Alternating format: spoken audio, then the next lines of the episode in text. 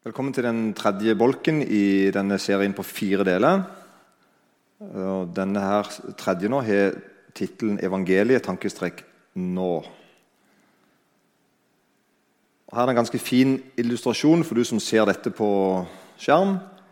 Her er det bilde på en måte av Gud og himmelen og det som på en måte representerer Gud. Her er det representert med en sirkel, en, rund, en, en runding. Eh, også er jorda, der vi bor på, som er full av synd og ondskap representert med en sirkel. Og så ser vi at Gud kommer oss i møte. Han kommer til oss. Hans rike kommer til oss. Og så er det symbolisert her med et kors. At det er Jesus som er møtestedet. Det er han som gjør at vi kan møte Gud. Det var han som kom til oss. Og så ser vi her på den tegningen at det er, det er små kors ut igjen ifra korset. Altså at det, Guds rike på en måte, Der hans sine truende er, der er Guds rike. Litt av Guds rike på en måte, spredd ut i hele verden. Kjære Jesus, jeg ber om at du må være her for navnet ditt skyld og for riket ditt skyld. Amen.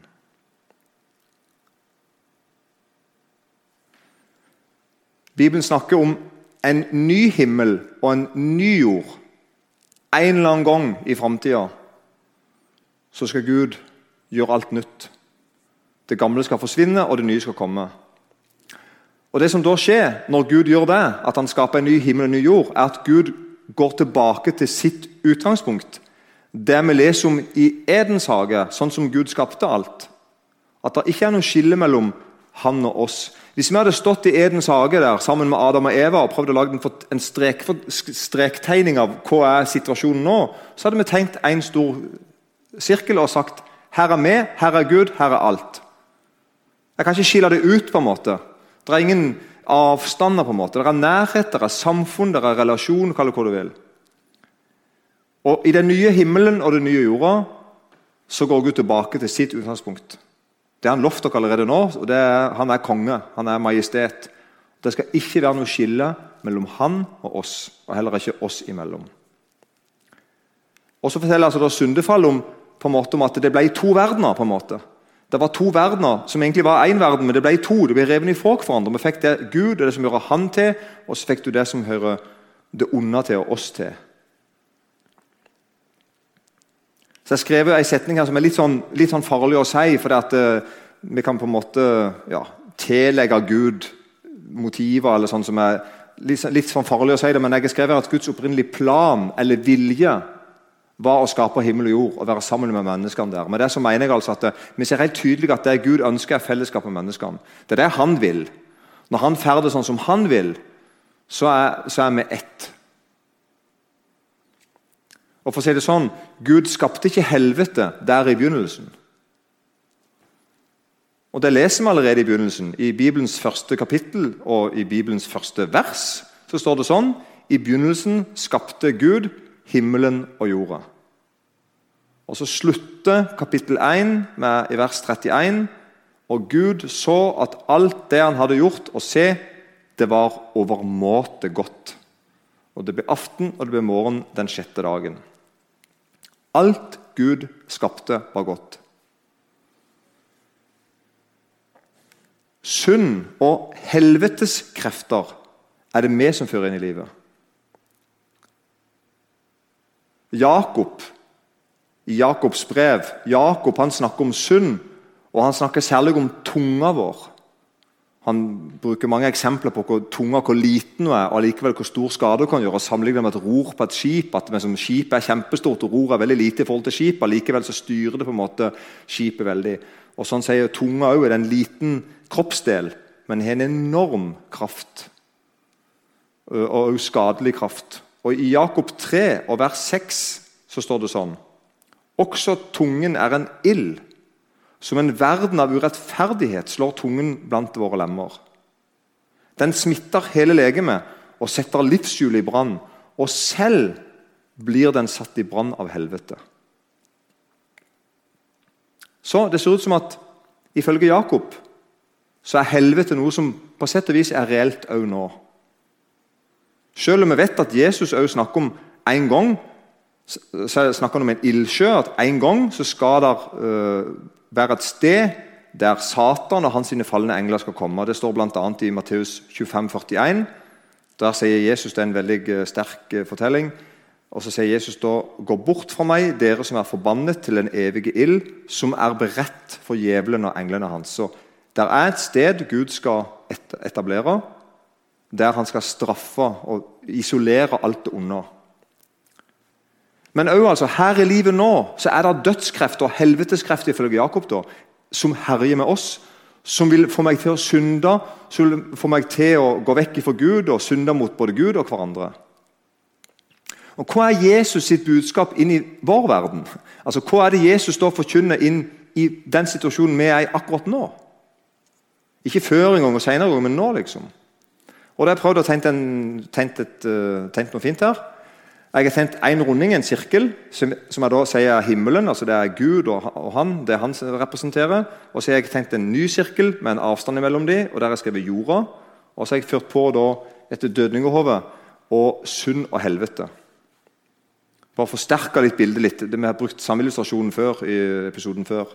Men nå på en måte forsterka det litt med at allikevel så ser vi at himmelen kommer bort til jorda. Guds rike kommer til oss for dem. Når?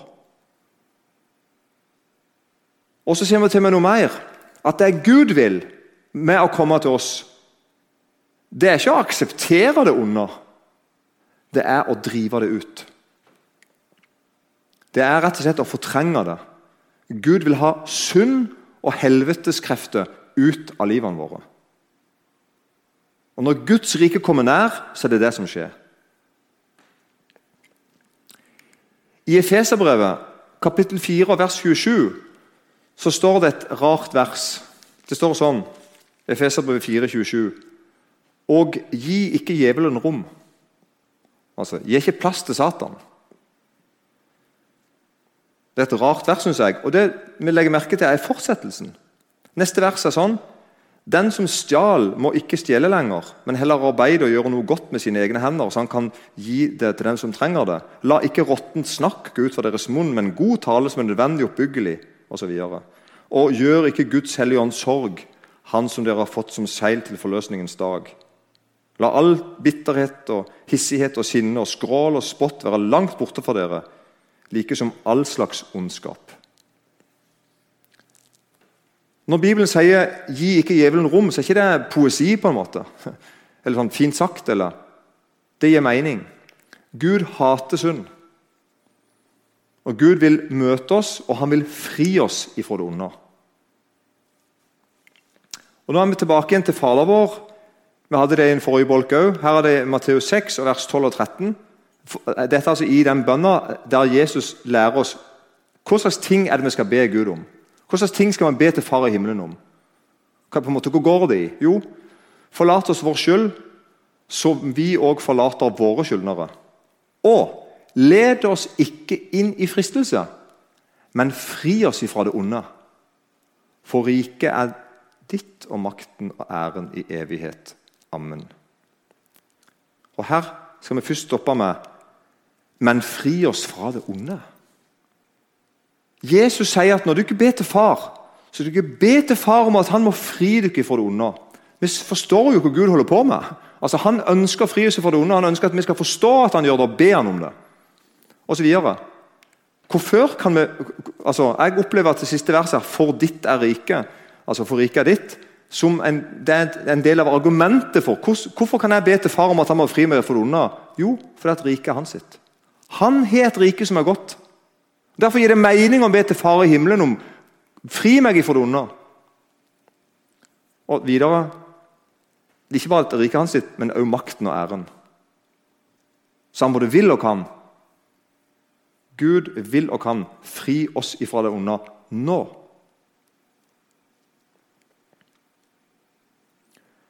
Og I tillegg da, så lærer Jesus her i òg nå i Fader vår i bønnen, å tilgi. Han sier rett og slett 'forlat oss vår skyld, som vi òg forlater våre skyldnere'.